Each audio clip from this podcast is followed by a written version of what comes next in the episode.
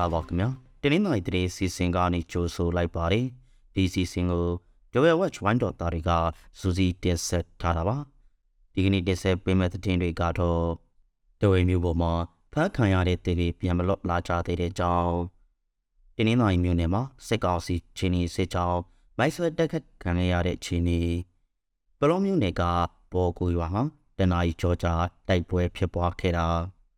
စစ်ကောင်စီတပ်ဖမ်းဆီးခံရတဲ့ လောင်လုံးမြို့နယ်ပန်းတင်ရွာသားတွေအားလုံးပြန်လို့လာတဲ့ဆိုတဲ့အကြောင်းမိမျိုးမှာပရာဒူငါတပိတ်တာကြတထောင်ဒီစီးမြင့်တဲ့နေတဲ့ဆိုတာမို်ရိုက်တန်အလူလိခံရတဲ့ရသေးတောက်မြို့မှာမိမိပါထတ်ကြိုတွေ့ရတဲ့အခြေအနေထိုင်နိုင်ငံမှာအလိုလိုဖို့တရားဝင်ဝင်ရောက်လာတဲ့မြန်မာအလုပ်သမားတူအလုပ်မရသေးခင်မှာပဲတားတိုက်လို့တည်ဆိုးသွားတဲ့ဖြစ်ရန်နဲ့ရွှေစည်းကွက်စားတဲ့တရင်ကြောင်းရာတွေကိုနားဆင်ရမှာပါ တဝဲမျိုးပေါ်မှာပန်းခံရတဲ့တင်တွေပြန်မလို့လာကြသေးပါဘူးတဝဲမျိုးတောင်းမှုတငါရက်ွက်ကဒေသခံခွန်လင်ကိုစက်ကောင်စီတပ်ကမေလ16ရက်ညကဖမ်းသွားခဲ့တာပါမြို့သား၄ဦးနဲ့မြို့သမီး၃ဦးဖမ်းခံရတာဖြစ်ပြီးဒီကနေ့မေလ16ရက်အထိပြန်မလို့လာကြသေးပါဘူး ဖမ်းဆီးရတဲ့အကြောင်းရင်းကိုသေချာမသိရပေမဲ့အခြားအဖမ်းခံရတဲ့သူတွေရဲ့ကွင်းဆက်အနေနဲ့ဖမ်းဆီးတာဖြစ်နိုင်တယ်လို့ဆိုပါတယ်အခုရက်ပိုင်းတဝဲမျိုးပေါ်မှာဖမ်းခံရတာတွေခါစစ်စိတ်ဖြစ်လာနေပါတယ်။ဒါကြောင့်ဖမ်းခံရတဲ့သူတွေဟာခုနှစ်ယောက်ထက်ပိုနိုင်တယ်လို့လည်းပြောဆိုနေကြပါတယ်။တင်းနိုင်မျိုးနယ်မှာစစ်ကောင်စီချင်းကြီးစစ်ကြောင်းမိုက်ဆွဲတိုက်ခတ်ခံရပါတယ်။ဒီကနေ့မေလ18ရက်မနေ့ပိုင်းလောက်မှာ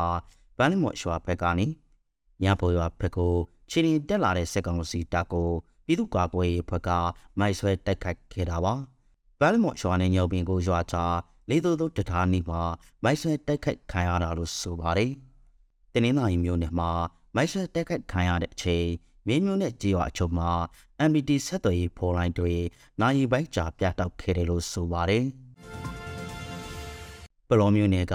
ပေါ်ကူရွာမှာတနာရီကျော်ကြာတိုက်ပွဲဖြစ်ပွားခဲ့ပါတယ်။ ပေါ်ကူရွာမှာတပ်ဆွဲထားတဲ့စစ်ကောင်စီတပ်ကိုပြည်သူ့ကာကွယ်ရေးဖွဲ့တွေကမိလ19ရက်ညနေပိုင်းမှာလာရောက်ပစ်ခတ်ရှာကနေတစ်ဖက်တိုက်ပွဲဖြစ်ပွားခဲ့တာပါတိုက်ပွဲတွေမကြာခဏဖြစ်ပွားနေတာကြောင့်ဒေသခံတွေရွာထဲမနေရတော့ပဲတေးရှောင်နေကြရတာပါရွာထဲမှာတော့စက်ကောင်စီတပ်ကတပ်ဆွဲထားပါတယ်မေလ14ရက်ကလည်းပေါ်ကူရွာထဲ၄နာရီကျော်ကြာနှစ်ဖက်ပြန်လာတိုက်ပွဲဖြစ်ပွားခဲ့ပါတယ် စစ်ကောင်စီတပ်ဖမ်းဆီးခံရတဲ့နောင်လိုမျိုးနဲ့ပတ်တင်အင်းရွာသားတွေအားလုံးပြန်တော့လာခဲ့ပါတယ်။မေလ19ရက်မနေ့ပိုင်းလာမှာပန်းတင်ရွာကိုစစ်ကောင်စီတပ်က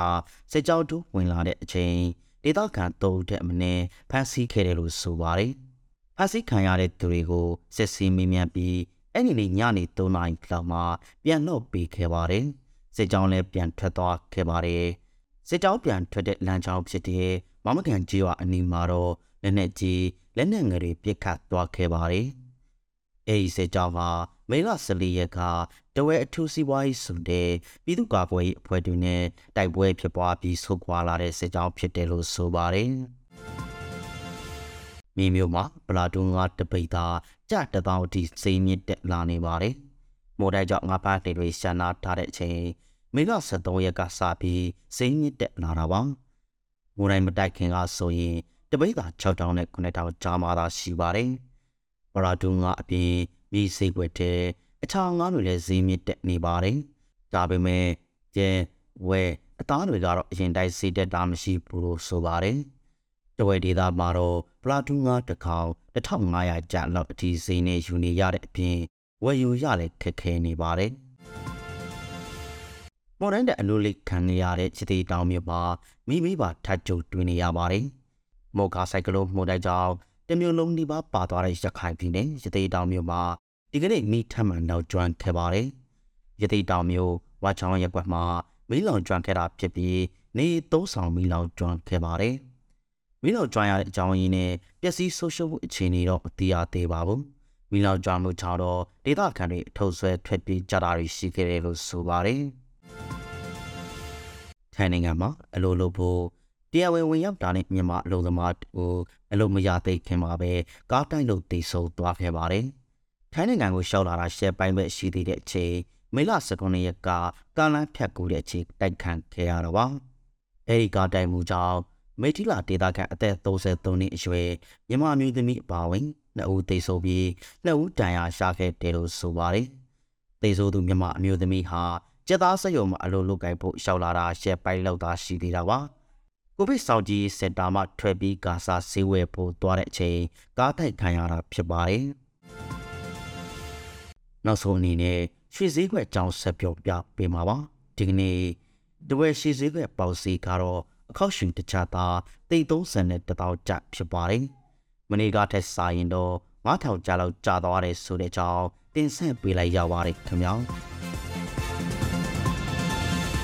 ခုလိုနားဆင်ပေးခဲ့တဲ့အတွက်ကျေးဇူးအထူးတင်ရှိပါတယ်မြန်မာနိုင်ငံသူနိုင်ငံသားများကံပေးပေါင်းကနေအမြန်ဆုံးပြောင်းမြောက်နိုင်ပါစေလို့ Java West Wide တော့သားများကစုမောကောင်းတောင်းအပ်ပါတယ်ခင်ဗျာ